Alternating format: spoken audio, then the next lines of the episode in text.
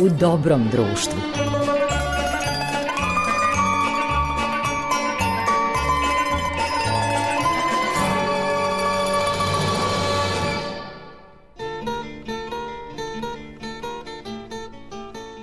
Dobroveče, poštovani slušalci, dobrodošli u novo izdanje emisije U dobrom društvu. Pred mikrofonom je vaš domaćin, urednik emisije Goran Vukčević, a ovu emisiju, kao i uvek, tonski uobličava Marica Jung. Ovoga puta, naravno, imamo zanimljivog gosta koji će nam osvetliti neke poznate i manje poznate detalje iz bliske nam istorije.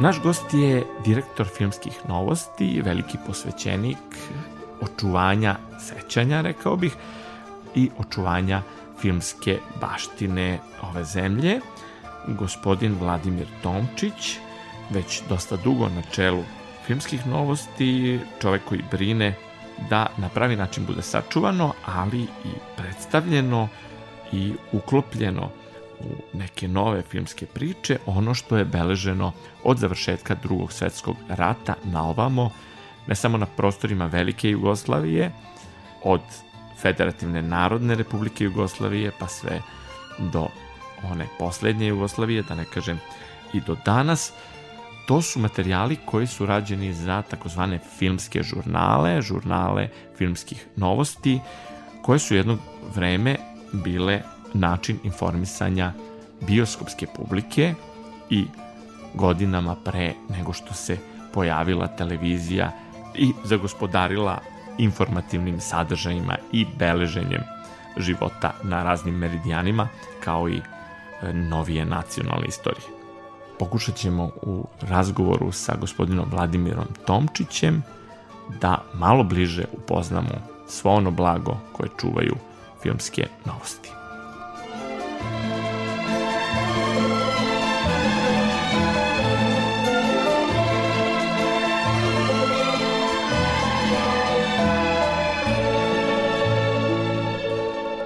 Gospodine Tomčiću, hvala vam što ste odvojili vreme za ovaj razgovor da malo bliže predstavimo filmske novosti. Znamo da je naša zemlja i tako je to kroz vekove, a naročito u poslednjih 150 godina, pa i možda i u poslednjih 30, vrlo intenzivnom istorijom, što kažu, ono poznato je da imamo više istorije nego što se to može podneti.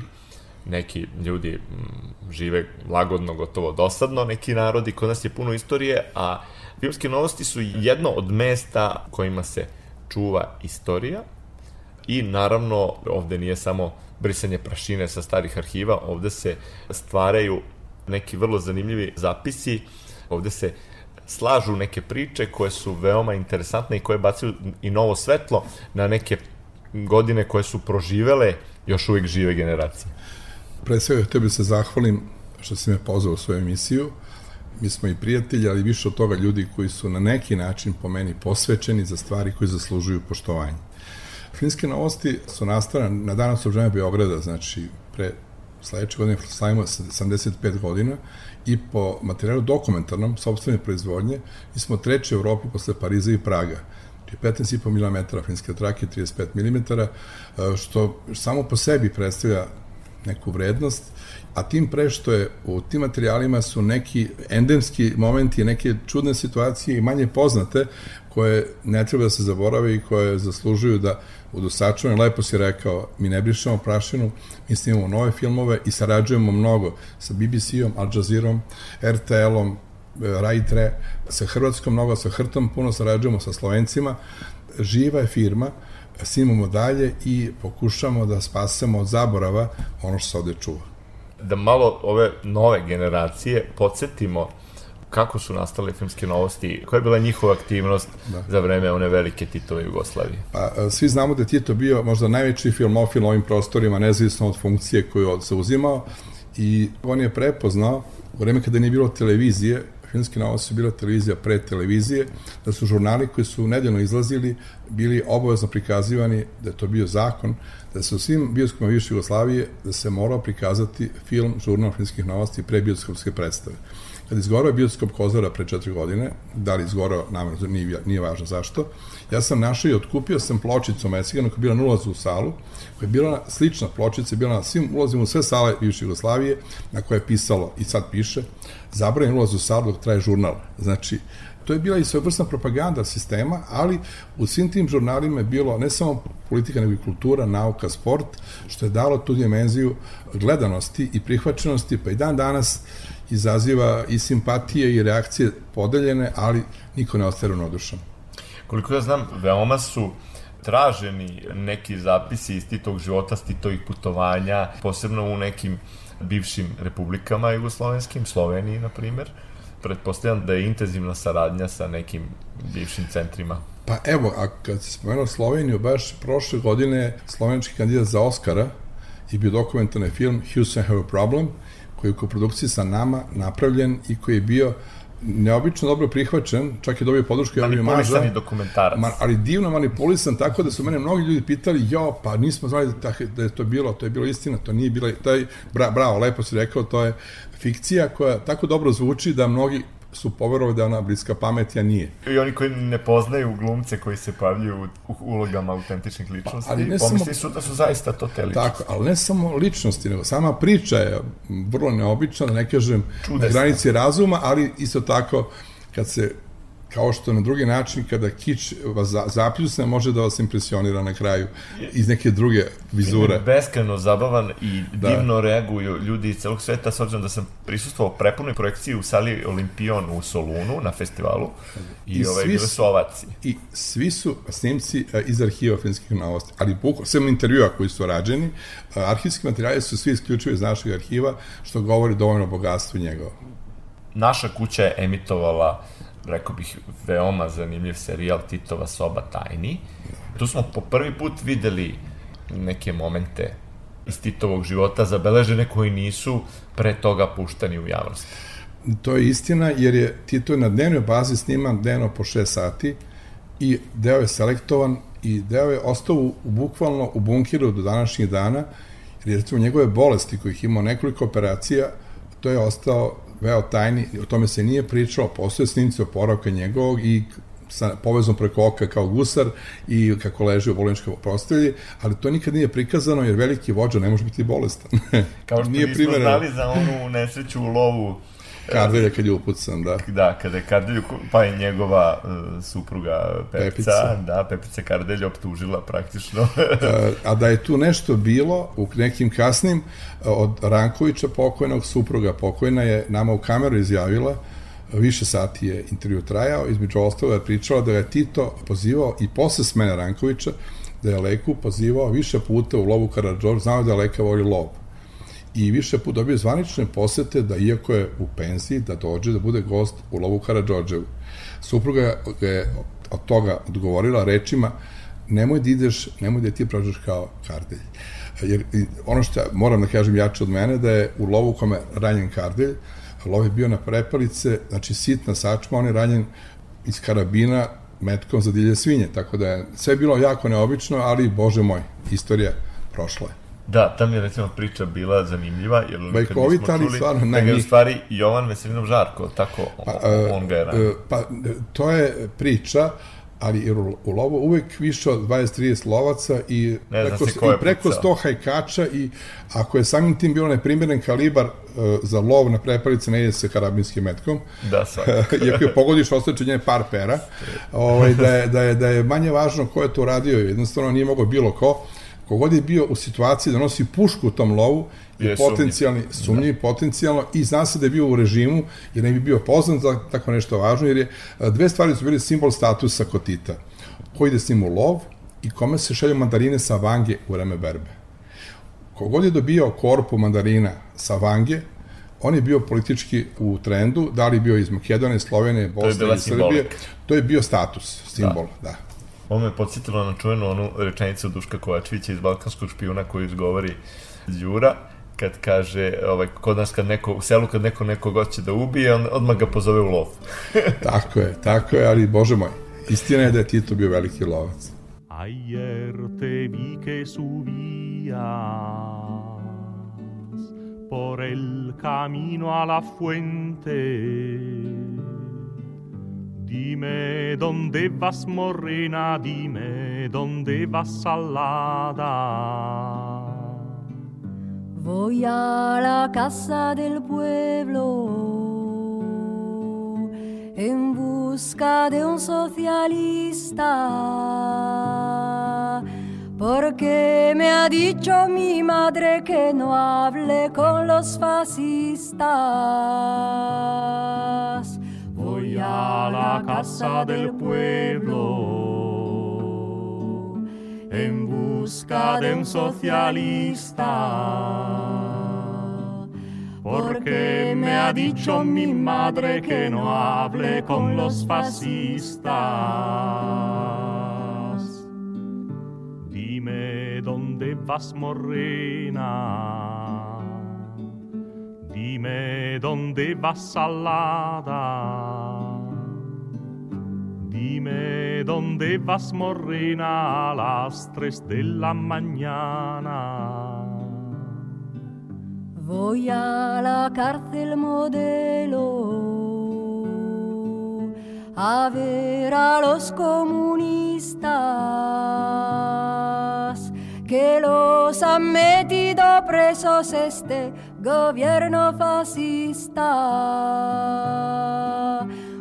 Voy a la cárcel modelo a ver a los comunistas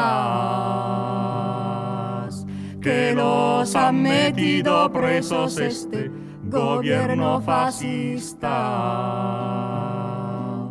que los han metido presos este gobierno fascista. Koje su još lično, evo možemo da pređemo na ti s obzirom da se Dugo znamo. izvinjavam se slušalcima, ali tako će biti prirodnije.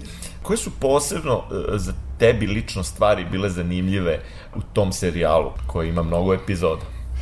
mnogo je toga, naravno nije tajna, ali jedan, jedan miting u Splitu 69. godine, na kome Tito govorio pre, pre, preko 100.000 ljudi, govori o sistemu njegove vladavine i u tadašnjoj Jugoslaviji. Jedna rečenica govori sve.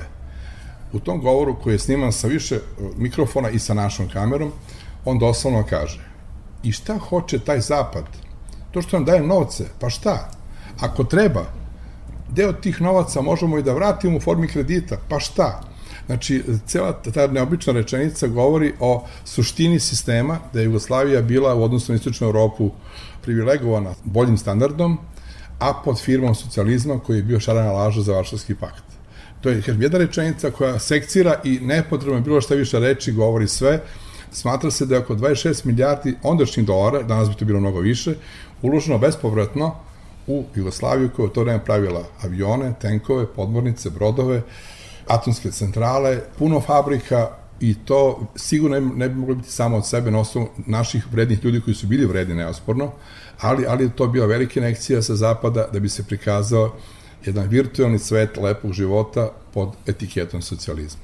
Da, taj deo scenarija je bilo divno glumiti, nismo ni znali da smo da. tu statisti da. u tome. Da. I vrlo srećni i zadovoljni, omamljeni ali ovo posle što je došlo i je e, vrlo tužan deo scenarija da. koja nekako smo... I ja zato i kad sam snimao serijal Tajni sa mnogo režisera, namjerno sam birao i deo starih, deo mlađih. E, stariji su bili Đorđe Kadivić, Goran Marković, Zajan Karaklajić, Miroslav Lazanski, a mlađi su bili Danilo Bečković, Ana Marija Rossi, Petar Istovski, mladi ljudi, baš namjerno da bi se dobila neka realna slika, jer mi stariji smo iskusni, ali pristrasni, jer ti to vreme za nas vreme naših prvih ljubovi, prvih farmerki i prvih odlazeha na more, a za mlađe ljude ta distanca vremenska postoji kad su oni možda realniji od nas, Tako je. na osnovu podataka koje imaju, a opet nedovoljno iskusni da to možda uvijek pretoče na pravi način, bez namera da ih pocenjaju. Da, ovaj film Houstone imamo problem. On je, čini mi se, na jedan sjajan, beskreno duhovit način dotakao i suštinu tog Disneylanda čarobnog. Bra, e, pra, ti si našao pravu reč. Disneyland je najbliže onome što je sistem u, u Jugoslaviji bio i koji funkcionisao jako dobro. Tito je ovaj, kako bih rekao, iako smo dobro zavirili zahvaljujući filmskim novostima u Titovu sobu tajni, još uvijek ostaje tajna čiji je sve Tito bio čovek i ko je on bio u stvari, jer ipak nije mogo sam da bude autor svega toga. A, neko pametniji od mene je rekao da o Titu znamo samo ono što je on želeo da znamo o njemu. Da. To je plasirano vešto, tako da eto, to je što je, ali život ide dalje i nije se loše setiti jer narodi koji ne uče svoje istorije osuđeni su im se ona ponavlja.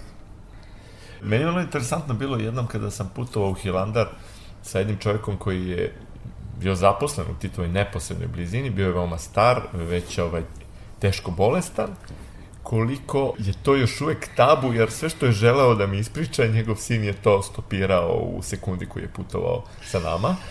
Koliko u stvari još uvek postoje neki tabuji vezani za to vreme? Pa ja bih to, ne da, evo jednim primjerom, volim sve na primjerima da se kaže, onda je to životnije. Ja sam bio pomoćnik ministra kulture Kojedinovića, pomoćnik ministra za odnosno stranstvom i do, za tog mandata sam uneo u ministarstvo voštane figure, među kojom bila figura Draži Mihajlovića, kao jedna od ličnosti iz tog našeg opusa koji je bio kakav jeste. Domar i čuvar zgrade je plakao i molio da ne unesemo tu figuru jer ne želi da ima probleme sa zakonom.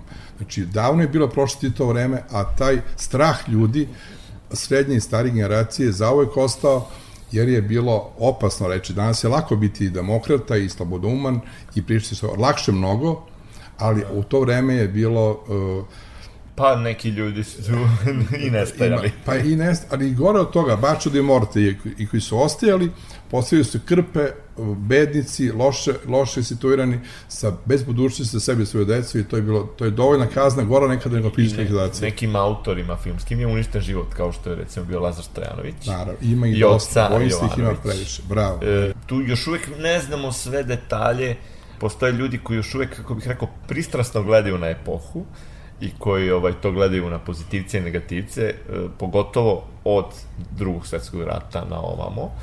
Znamo kako je prošla serija Radoša Bajića, zaustavljena je posle prvog ciklusa. Da. Sada više, nažalost, nemamo ni Nebojšu Glogovca, tako da je nemoguće da, dobiti da, isto. druga dva dela trilogije. U, sve mane koje je imala, ali imala je i neke kvalitete što je bacala svetlo na jedan period iz jednog drugog ugla. U svakom slučaju, zanimljivo je taj naš odnos prema istoriji. Postoji oni naravno koji kažu ne zanima me istorija, ali poznato je da ko nema istoriju, nema ni bud prošlost, nema ni budućnost, ko neće da uči sobstvenu istoriju, učit će tuđu, ali mislim da treba zaista hladne glave gledati na istoriju, a onda je tu najvredniji su dokumentarni zapisi. Ja se slažem s time i dokumentarni film, pa i igrani filmove koji su zasnovani na jednom ozbiljnom pristupu režisera ljudi koji se bave time, koji pišu scenariju, koji režiraju, može se doći do dramatično važnih stvari koje trajno ostaju. Da, kada smo pominjali Dragoljuba Dražu Mihajlovića, koji je e, bio vrlo proslavljan u Prvom svetskom ratu, prijatelj Vojvoda Petra Bojovića, vrlo blizak. Posle toga, naravno, moja generacija je učila o njemu kao krajnjem negativcu. Sad, ko se tu nije poneo viteški, to dobro znamo, ali... Istoriju piše pobednik. u istoriju pišu pobednici. Znamo kako su Obrenovići prošli od strane marketinga Karadžorđevića, ali da. ono što je meni interesantno, pre nekoliko godina je Božidar Zečević pominjao dokumentarni film koji su Rusi za za Staljinov arhiv snimali, znači suđenje Dragoljubu Draži Mihajloviću, koje je trebalo da nam prikaže realno to suđenje, Međutim, od toga nije bilo ništa, što znači da tabu još uvek postoje. Uh, uh, tragedija naših naroda ta podeljenost i posle toliko vremena i mladi uče to od starijih, tu da. podeljenost partizani i četnici odavno više ne postoje i njihovi potomci pitanje gde su i šta su, a mi se još uvijek svađamo kod toga, umesto idemo dalje. Da, to je Tako tužno. da je to tužno i to nas prokledstvo prati u većim problemima koji se dešavaju, mi se držimo nekih manje važne stvari koje nam prave problem. Jeste, ratovi su vrlo zapetljana stvar, ali u da. suštini imali smo dva antifašistička pokreta i samo ako krenemo od onog čuvenog plakata, od koga u filmu su Tjeskasti Pedelića vidimo samo jednu polovinu na kojoj je Tito procenja, to je u stvari bio plakat sa da dvojicom, sa dve poternice, i za da. Dražom i za Tito pročitati sve što su pisale sve strane i tako stvoriti jedan lični mozaik i utisak u istoriji. Mislim da je tako najbolje. Hladne glave. Hladne glave, silni samo, mislim, volim da kažem, silni diamanti, silne oprečne situacije, moram da, da pomenem Churchilla koji je 35. godine u parlamentu uvek pomalo pripit od viske koji je dnevno pio po flašu, definisao na divan način šta je to demanti. On je rekao, demanti je nezvanična potvrda događaja koji se nije desio. Tako da neki mudri ljudi kažu Sjaj. pametne stvari koje tako sekciraju na lep način Da, situaciju u kojima se nalaze. Tako je, preporučujemo svakom Churchillove memoare da pročita, Tako je. pošto je Churchill dobio nagradu za književnost Jeste. ovaj, Nobelovu. A zanimljivo je šta je rekao njegov biograf, da je njegova veličina u tome što je umeo da žrtvuje sudbinu čitavih naroda za sreću jednog jedinog Engleza. Pa kroz to treba da posmatramo i uticaje Britanije. Ipak, ipak je na. Churchill uh, jedan od uh, značajnih ličnosti imperije Britanije koja, i- kada više nije to bilo i dan danas, daje sebi za pravo da drži lekcije svima. Ne, najčešće nije u pravu, ali njihov imperialni odnos prema samima sebi je nepromenljiv. Istorija je uvek ista, što je rekao jedan od sagovornika, da. Radoslav Milenković. Yes. Rekao je, samo je dizajn drugačiji. I ne Pakovanje, to pakovanje i oriti dizajn, tako je. Ali istorija u suštini uvek ista, samo zato treba čitati istoriju i gledati dokumentarne filmove istorijske. Napravit ćemo još malo pauzu, još jednu pauzu, pa ćemo nastaviti razgovor. Ostavi me kata, pa anđa, pa reza, me ne ostavi moja mitraljeza, Армене остави моя митралеза, Гранчуском плоскопим наверный и брат, Сама нек ми пева трака, трака, трак, трак, Сама нек ми пева трака, трака, трака, трака, трака, трака, трака, трака, трака, трака, трака, трака, трака, трака, трак. Орамену виси на срцу ми спава, Кад фашисте коним шестни крила дама, a fasciste gonim šestni krila dava. Njezin glas je topalj, ne teret je lak, njezin uzvi gromki traka, traka, trak, trak, njezin uzvi gromki traka, traka, traka, traka, traka, traka, traka, traka, traka, traka, traka, traka, traka, traka, traka. Ostavi me kata, pa anđa, pa reza, aj mene ostavi moja mitraljeza, aj me ne ostavi moja mitraljeza. Ja ću s njom da sklopim najvjerniji brak, samo nek mi pjeva traka, traka, trak, trak, samo nek mi pjeva traka, traka, traka, traka, traka, traka, traka, traka, traka, traka, traka, traka, traka. Šta je novo pripremila ekipa filmskih novosti i šta je ono što se recimo planira u narodnom periodu Naša saradnja sa RTV Vojvodina nam je jako značajna i dobra. Pored serijala koji si rekao Tito osoba tajni i Tvrđave Dunova smo takođe pod prijateljskim uslovima dali na prikazivanje, prikazani su takođe i film koji je upravo završen, Odešte kneza Lazara, koji će biti premjerno prikazan na RTV Vojvodine, na lep način dokumentarni film sa toliko puno manje poznat detalja koji su potkrepljeni dokazima koji su proverljivi.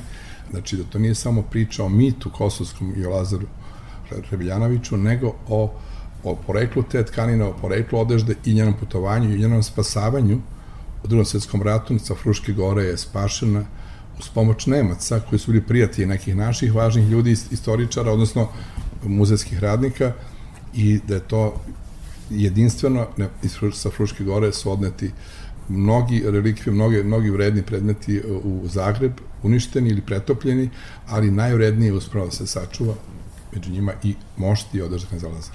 a veoma je zanimljiva priča o čoveku koji je pomogao spasavanje istorijskog umetničkog blaga, da, Da, da, pa da to, to direktor, isto- direktor muzeja, Narodnog muzeja u Beogradu, je slučaj hteo, bio prijatelj sa Nemcem s kojim je zajedno studirao u Heidelbergu, doktorirao, koji je se tokom rata zatekao u Beogradu kao SS pukovnik i on je došao kod njega u suzama kad je čuo da se o- uništava i otuđuje blago crkve pravoslavne na Fruškoj gori i molio je da se ono što je preostalo spase. I istina, ko volao tek to da prizna ili ne, da su Nemci na njegovu molbu spasili ono što je bilo odneto, među relikvije Čivote i među njima najznačajnije mošti i odeštene za Lazare.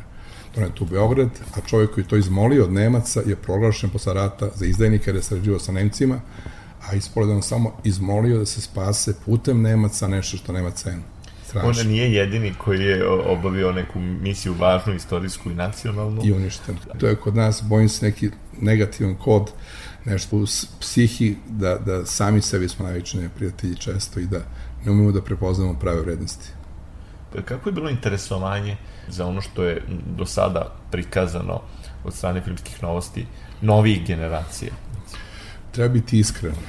Nove generacije u eri interneta, televizije, stotina programa televizijskih, e, deo njih samo pokazuje interes koji bi bio možda potreban, ali po meni je tim dragocenije sačuvati, e, makar se to i ne prikazivalo dovoljno i ne gledalo dovoljno, se sačuva nešto kao istorijski artefakt za neke buduće vremena, makar i za arhivu i da poneko ko hoće da zna pravu priču i da nekad sazna, možda nekad dobije satisfakciju, da sada nema prave satisfakcije, a Titova soba tajnije, devet epizoda prodate Češkoj nacionalnoj televiziji, da je njima to bilo interesantno da prikažu što govori o nekom kvalitetu i o nekom, toj, što ti kažeš, dokumentaristici koje, koje ne moguće falsifikovati, koje ne moguće promeniti, koje govori sama za sebe. Da, zanimljivo je da tokom tih Titovih putovanja ne samo da imamo zabeležene ljude koji su istorijske ličnosti, sećamo se mi koji, koji smo to gledali, kako izgledala Titova sahrana i ko je sve bio u toj loži, jednoj neponovljiva ekipa ne, na jednom mestu, koja se našla ispred kuće cveća. Ono što je takođe dragoceno, čini mi se da su zabeleženi mnogi ambijenti širom čitave Jugoslavije koji više tako ne izgledaju. I mnogi gradovi koji su pravi biseri i, i, i naravno prirodne lepote, bez obzira na crno-belu tehniku, čudesno je lepo recimo videti Titovu posetu Prizrenu. On je samo jedan puta bio na Kosovu i tom prilikom bio u Prizrenu, znači za ceo vreme svoje karijere koja je bila duga i uspešna, samo jedan puta borio na Kosovu u zvaničnoj poseti. Sećam se i Jovanka je tada pomenula i svoje prizrensko poreklo. Tako je, tako je. I to je bio, ok, potez i gest državnika velikoga, ali moram reći istinu da je on bio briljantan političar u svetskim razmerama, ali prema svom narodu, odnosno prema svojoj zemlji nije uvijek bio takav. Posebno prema jednom delu svoje zemlje. Da, ali opet biti iskren pa reći da je taj najveći segment države Srbije iznedrio ljude koji su bili oko njega i koji su se utrkivali da se dokažu kao pripadnici srpske nacije i iznad očekivanja samoga Tita koji je bio prema nama kritičan, ali opet ljudi našeg porekla, iste nacije su često u želji da se dodvore bili e, radikalni i oštri i stroži prema nama samima nego neko drugi ili nego što je sam Tito. Da, nažalost, sa ovih naših prostora je bilo najviše, naravno, apsolutno, najviše je bilo kako bi se to reklo, šlihtara, da, današnjim ali, da, slengom. ali te šlihtare su činile mnogo ružne stvari da, da je narod, Sobstvenom narodu. da je taj narod trpeo izuzetno i dan danas trpi kao posledice njihovog tadašnjeg ponašanja. Ovde je, nažalost, često šlihtanje i cinkarenje bilo najunosniji zanat. Da, ali moram jače od mene jedna anegdota koja je bila u to vreme Naravno, vezana za ovo. Tito je bio jako često u lovu i vezuje se anegdota, verovatno i nije istinita, kad je u lovu na prepelici ili fazane, Tito pucao kada je bio pored njega i Tito je promašio, a kada je rekao, pobogu vidi, mrtva, a leti ptice. znači, da je bilo nemoguće da veliki vođa promaši, a kamoli nešto drugo iz puške, tako da je to, taj potronski odnos je bio i možda je uvek postojao u politici i postojače, ali da je bio izraženiji jer je kult jednog čoveka ličnosti bio suviše dugo aktualan, da je poprimio, znate, dečije pesmice, pionira sa maramama, Tito se voli više od tate, više od mame. Mislim, eto, time smo sve rekli da, da je, da je se otišlo u krajnost koja je bila besmislena, ali je trajala. A Tito je pritom stavo podlačio da je protiv kulta ličnosti, naročito da, tuđeg. da, ali, ali opet reći istinu, njegova deca nisu imali nikakve posebne benefite njegovog Upravo statusa. Upravo to, nisu postali tajkuni. No, nisu, oni su bili obični službenici u dobrim firmama i posle njegove smrti niko nije nasledio ni, ni kuću, ni stan nego ono što su kao službenici u dobrim firmama imali kao i mnogi drugi.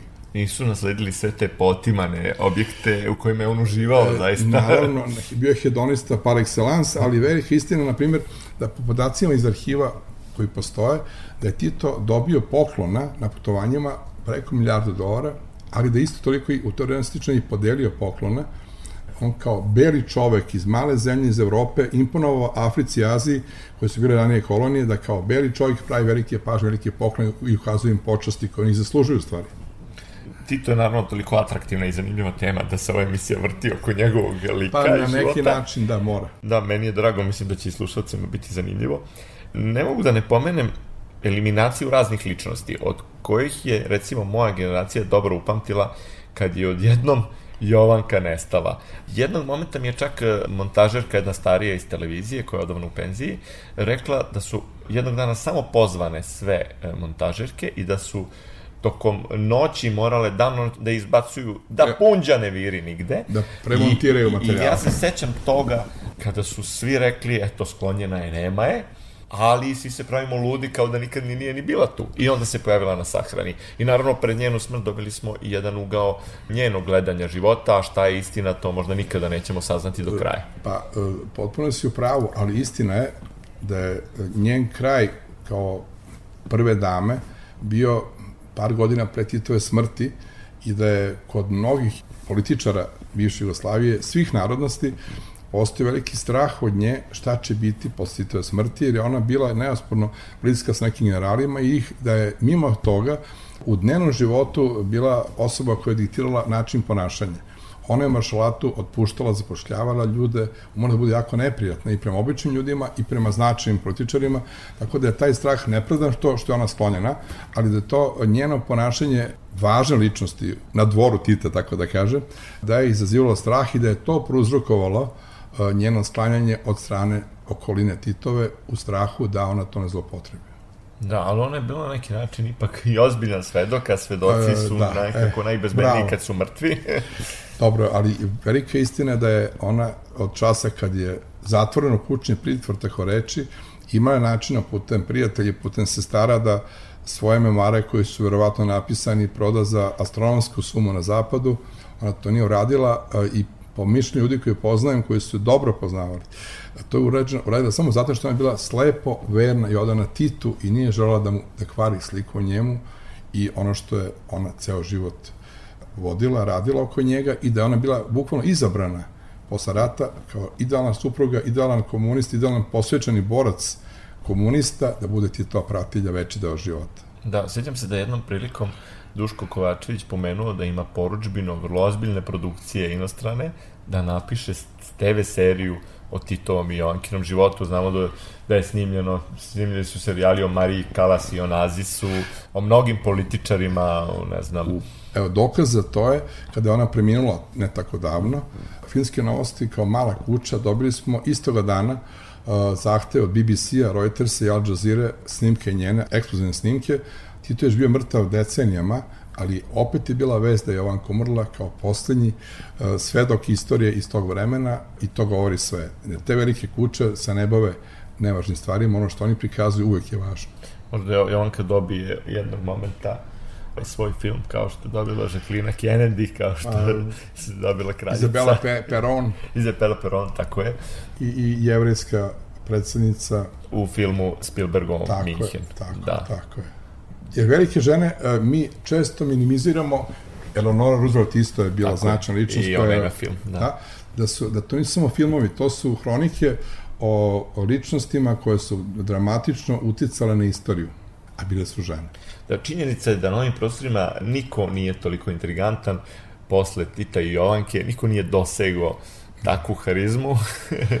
tu su neki glumci su dobacili Bata i Milena Gaga blizu neke velike popularnosti na, na jugoslovenskom tlu, ali tu popularnost nema niko, pošto je ovaj najveće svetske zvezde su ipak Tito Jovanka, tako da ja mislim da će ovaj serijal uvek imati e, svoj, e, svoj život. Pa ja to verujem jer kažem, ima se šta naučiti, jer jednostavno atipičnost i harizma koji su bili nikada se više neće ponoviti na ovim prostorima, ne samo u našoj zemlji, nego u okruženju uopšte. Hay una lumbre en Asturias que calienta España entera. Y es que allí se ha levantado toda la cuenca minera, toda la cuenca minera. Ale asturiano, que están nuestros destinos en vuestras manos. Empezaron los mineros y los obreros fabriles. Siguen los campesinos, seremos cientos de miles, seremos cientos de miles. Bravos mineros, siguen vuestro camino los compañeros. Con la moda que han sacado de las huelgas en las minas, todos los explotadores se van a ver en la ruina, se van a ver en la ruina. Últimamente se están viendo las cosas más claramente. Hay algunos sacerdotes francamente progresistas apoyan las peticiones de los mineros huelguistas, de los mineros huelguistas. Santa María, haz que empieza la huelga en Andalucía. Oh Virgen pura, manda la huelga al campo de Extremadura. Santa patrona, haz que siga la huelga de Barcelona. El que quiera que se acabe estas huelgas tan terribles, que le desea Santa Rita, abogada de imposibles, abogada de imposibles. Ya me que para los patronos resulta duro. Una cosa les deseo a los dueños de las minas, que el dinero que nos roben se les vaya en medicina, se les vaya en medicina. La policía, si oyera estas canciones, se enfadaría. S obzirom da si bio pomoćnik ministra kulture, svojevremeno tada su e, mnogi filmovi naši dobili podršku e, Euroimaža, tad je snimila Klopka, Phantom, još neki značajni filmovi. I šta misliš generalno o, o, o srpskom filmu poslednjih decenija i trenutno, čini mi se da, da sad možda trenutno nije neka mnogo slavna faza, ali izađe poneki zanimljiv naslov. Pa mi smo definitivno narod koji je talentovan za sve, pa i za film. Istini za volju, najčuveniji filmovi sa ovih prostora su nastali u vreme rata, u vreme sankcije, u vreme malih fondova za filmove. Filmski centar Srbije funkcioniše dosta dobro, ali, eto, mi smo prema sebi pristrasni. Jedna Rumunija koja je bila mnogo čemu inferiorna, poslednjih šest godina vlada evropskim filmom, a pošto poznajem dosta ljudi tamo, njihovi budžeti nisu veći, odnosi među ministrima i saradnicima i režiserima su narušeni, a opet talenat i talenat i talenat daje kvalitet da pobeđuju, da su pokupili sve lavove, sve palme i sve medvede u poslednjih 5-6 godina na najvećim festivalima koji se vrednuju. Tako je, dominira rumunski film poslednje vreme već prilično dugo, primako mu se zadnjih godina bugarski film sa par zanimljivih da. vrlo naslova. Grci su napravili jedan iskorak sa najnovijom generacijom. Da, bravo, e, bravo, jest. I ono koliko, koliko ja pratim region, mislim da iz Hrvatske izađe poneki zanimljiv film. Da. A ne bi samo se ja vratio na Rumuniju, da njihov budžet koji država odvoja za filmove nije veći od našega a važnost uspešnih filmova, prisutnost brojnih dobrih filmova je teško objašnjiva, jedino talent, ništa više. Jeste, veoma su inventivni, nekako se kod nas često vrti oko nekih urbanih tema koje su e, i potrošene. po kliševu. Da, po kliševu, ali isto tako, eto, Francuski ima najveći budžet, tako reći, u Evropi za filmove, a to ne prati proporcionalno broj dobrih filmova. Ima dobrih filmova, ali proporcionalno novcu koji se ulaže, ne, nema previše velikih filmova. Vrlo je nepredvidivo kada odete da gledate francuski bravo, film. ali ne samo francuski, ja vidite, ko to tamo peva naš najbolji film svih vremena, a Snimljen za 20 dana. Da, i Goran Paskavić odbio da ga snimi kad mu je ponuđeno i mu se nije dopao scenario, još neki režiseri, znači nisu prepoznali potencijal filma koji je remek delo i koji je prepoznat, ja sam gledao u Rusiji šest puta na televiziji dok sam živeo u Leningradu, šest puta sam gledao večernim satima, su ponavljali hotel tamo peveri, priča toliko, glumačka ekipa je neverovatna, priča univerzalna, e, do savršenstva do danas. Da, to je film koji je zaista... A nije običavao. svuda. I ja se čak sećam, recimo, maratonci koji su sada digitalno remasterizovani, da je čak od strane kritike su uh, proglašavani lošim filmom kada su izašli. O tome ja i A pričam. postali su, E, eto, pa, i prvi neki- posle ko to tamo peva, najuspešniji, takođe. Pa, to su ozbiljni filmovi, ja neću nabrajati koje, ali neke komedije, koje su isto kad su se pojavili bile jedna od komedija, danas su kultne i da se i da, današnji klinci, neki novi klinci citiraju u nekim situacijama dijaloge ili rečenice iz mnogih filmova koji su lakog žara, ali koji su obeležili to vreme ili današnje vreme. Da, i, vrlo se rado gleda. Čini mi se da, da čak i ljudi koji, recimo, eto, su probirači kada je u pitanju filmski kvalitet, pogledaju tesnu kožu, koja je tada, kako bih rekao, bila žigosana kao nešto krajnje, jeftino, opet parački i nepoželjno loše ocenjeno od strane kritike, a uvek se pogleda i filmovi koji su fakat uh, vrlo slabi, zahvaljujući recimo onaj, iz onog serijala Lude godine, zahvaljujući Dragomiru Bojaniću Gidri i njegovim improvizacijama, imaju šarma i gledaju se masovno, u celoj eksiju. E, ti si potpuno u pravu. E, Žikina dinastija je prošlog leta, leto nije sezona filma, nije sezona, jeste sezona filma, nije sezona televizije, Hrt je prikazao ceo serijal Gidrinih filmova, koji znamo da su eto malo sladunjave, simpatične komedije, ali zahvaljujući toj karizmi... Dramatoški vrlo slabe. Bravo, da, da, da lep, to si blago rekao, da su bili najgledaniji Sad danas jako meri sve, merljivo je sve što se prikazuje, da su hrvatski mediji bili iznenađeni neverovatnom gledanošću filma sa srpskih prostora, zahvaljujući karizmi glu, par glumaca i otkačanom scenariju koji nije baš nešto, je neki jeftini humor uslovno, ali koji je bio jako prisutan i poštovan i dan danas. Da.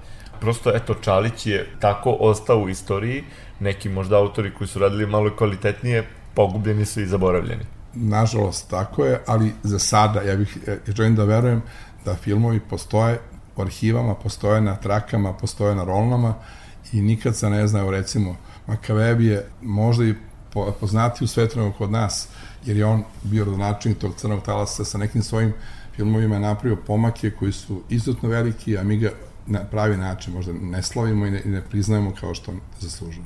I još neki drugi, ima ih još. Kada smo govorili o filmskim novostima, one su e, naravno pakovane tako da su imali propagandnu svrhu. Gledali smo najvećih sina naših naroda i narodnosti, ali zanimljivo je pomenuti da je do 80. godina 60% jugoslovenske filmske produkcije partizanski film.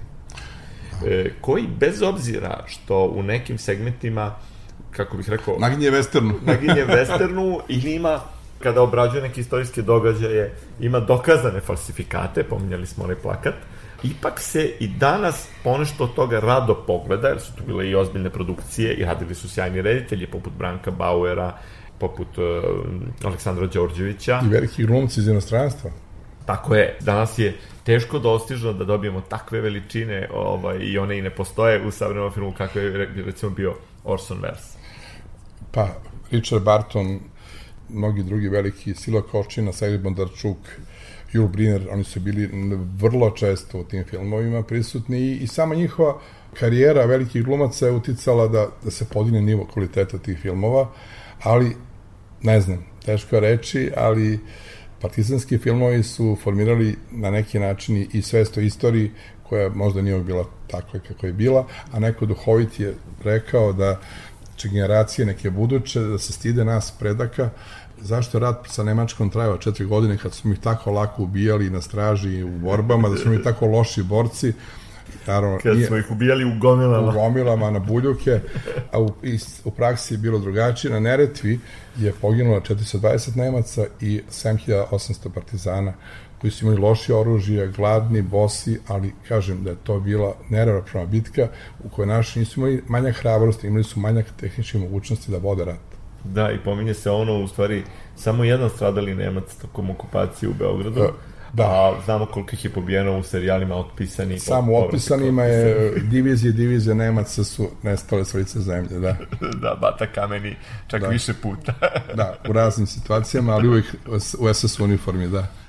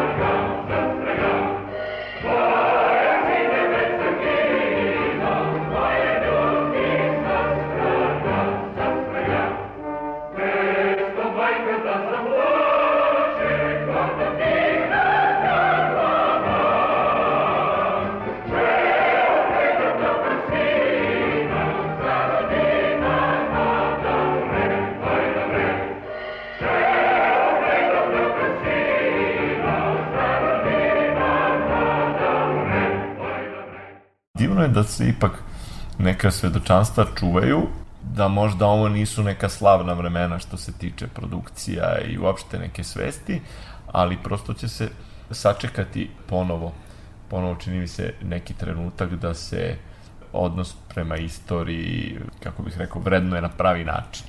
Ja u to iskreno verujem i vratim se samo na domaći film koji ima potencijal i jako kvalitetne ljude koji rade na filmu, ali nek greh mi na dušu da kažem da je veliki deo uspeha naših filma bio vezan za period raspada Jugoslavije, dešavanja u ratnoj Jugoslaviji raspadu i za Rome.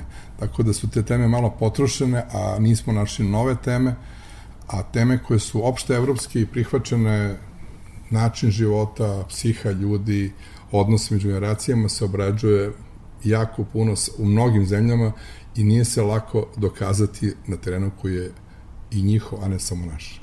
Da, ne možemo tamo gde nismo superiorni, a ovo gde zaista imamo, neko mora da izmišlja istoriju Tako. da bi je filmovao, a mi imamo toliko toga od istorije koja nije ekranizovana, najmanje či su snimljeni takvi kakvi su, ali napravljen je bar pokušaj da se nešto snima, dosta smo imali samo ponešto, samo taj šotrin boj na Kosovu, takođe u određenim skromnim produkcijskim okolnostima. Evo, Lazar Istovski snima Čarape kralja ja, Petra. Petra ih, da. Prvi put ćemo imati albansku Golgotu ekranizovanu. Tako. I postoji ovaj šotrin film gde cveta limun žut, da. koji je u stvari dokumentarac tog momenta kad statisti treba da budu mršavi, više ih nema, onda je čisto dokumentarac, da, nema više ovih dramatizovanih scena. Da. I tako, to su bili isto skromne neke produkcijske okolnosti, ali lepo je da se osvrćemo na još neke periode istorije. Ali, ali to nije samo naša specijalnost, neadekvatan odnos. Francuska je velika zemlja, velika kinematografija i moja generacija je odrasla uz limunadu film Tri musketara, I tek mnogo kasnije se pojavio e, kraljica Margo koja govori o pravoj istoriji Francuske, sa svim surovostima, ubistvima, ružnim stvarima kojih je bilo više nego lepih. A ne zabavan film za da, ne, da, nedeljno da, popodne. Da, da, da, da, da. Tako da, da li ima istina ovo što sam rekao po tebi? Apsolutno. Sticam okolnosti, e, radeći na dokumentarcima vezanim za našu istoriju povodom stogodišnjice Prvog svetskog rata, moram kažem, lično ne samo zbog povoda, s obzirom da me duže vreme zanima ta istorija, ali sve što pročitamo, recimo, od zabeleženih svedočanstava kod Antonija Đurića u raznim njegovim knjigama, i kod raznih drugih ljudi koji su beležili e, svedočanstva učesnika proboja Somskog fronta, bitaka slavnih na Kajmakčalanu. To su beskrajno zanimljive priče i sudbine, a eto, mi smo ih videli na filmskom ekranu. Nažalost nismo. Opravdanje je bilo trivialno da je zbog masovnih cena i tematskog uniforme, oružje, scenografija, koje uvek mora biti skuplje za istorijske filmove, da nije bilo novaca, što je bio jeftin izgovor za nešto što nije imalo svrhe i smisla. Nadamo se da će se i posle ovog povoda koji mora da se ispoštuje na neki način formalno ljudi više zainteresovati za za sobstvenu istoriju iz ja toga to perioda. Verujem, ja u to verujem, recimo, meni najviše smečeš mi se, ali mene impresionira muzika iz Nemanjića koja je čarobna. Da. E, o samom tekstu, Slažem. scenariju možemo da diskutujemo da je bilo dosta e, bajkovitosti koja nije utemeljena u istoriji, ali e, neka bude oprošteno, samim tim što se ta tema uopšte dotakla, da je naša istorija značajna i da, i da se moramo sečiti, da se moramo njome ponositi moram samo da napravim još jednu vezu između Tita i tog perioda Prvog svjetskog rata. Kako se dogodilo da je jedini naš domaći film Marš na Drinu nastao u vreme Titove Jugoslavije, da ga je režirao Žika Mitrović koji je posle toga režirao i pre partizanske priče i neke recimo vrlo neutemeljene momente u ovoj Užičkoj republici i kasnije da li je morao na neki način da se opere od toga što se malo bavio ratom koji nije previše podoban, u kome je Tito bio na drugoj strani u onim tamo kaznenim ekspedicijama u Mačvi. On je bio u Džovoljem puku u Mačvi, čuvenim koji je po zlu upamćen, to nije sporno, ali ako govorimo e, Marš Andrinov film, nije loš, nije, nije neki veliki film, tu se prikazuju isključivo niže oficiri srpske vojske, a bitke, te početne bitke u ratu su dobijali Žojn Mišić i Stepa Stepanović, koji su bili stratezi vrhunskog tipa, a imali su vernu odanu vojsku koja to sprovodila. Da, pošto smo pominjali anegdote, meni je divno, pošto sam imao veliko zadovoljstvo da više puta sarađujem sa Ljubom Tadićem, e, našim glumačkim velikanom, on u svojim memoarima U tom filmu završna kaže scena. da je završna scena u stvari psovka nije bilo u scenariju, psovka je tu zato što su bili fulminati malo prejaki kada ga ubijaju, znači pirotehničar je to tako namestio da mu je suviše to puklo e, na telu i tako da je ovaj da Isprovociran. opsovao, opsovao iz tog razloga, ali eto ta, ta rečenica koja je potpuno slučajna, spontana je ušla u antologiju. Ušla u antologiju, ali e, za u svakom ratu su psovke deo života vojnika koji je težak, surov i pun smrti. Eto, čime bismo mogli da završimo ovaj razgovor prepun istorije i nekih detalja koji će, nadam se, biti zanimljivi slušalci. Moje lično mišljenje, ja sam pristrasan, ja radim u filmskom arhivu, naravno, ali da želim da verujem da su igrani filmi, dokumentarni filmovi blago koje se mora sačuvati za neke nove generacije, za neka nova pokolenja, makar oni to previše često ne gledali, ali da postoji saznanje kako je bilo nešto i, i ono što je najbliže istini, što nije uvijek najčešće dostupno običnim ljudima. E, hvala vam, gospodine Tomčiću, hvala ti, gospodine Hvala ti, Tomčiću. dobri moj prijatelju, beskreno hvala i uživao sam u razgovoru. E, Meni je bilo vrlo drago, eto, nadam se da su uživali i slušalci, a mi da se u zdravlju vidimo, pošto, eto, produžavaš svoje aktivnosti ovde na čelu filmskih novosti. Dobro zdravlje pre svega. Bilo mi je čast i veliko zadovoljstvo, dobri.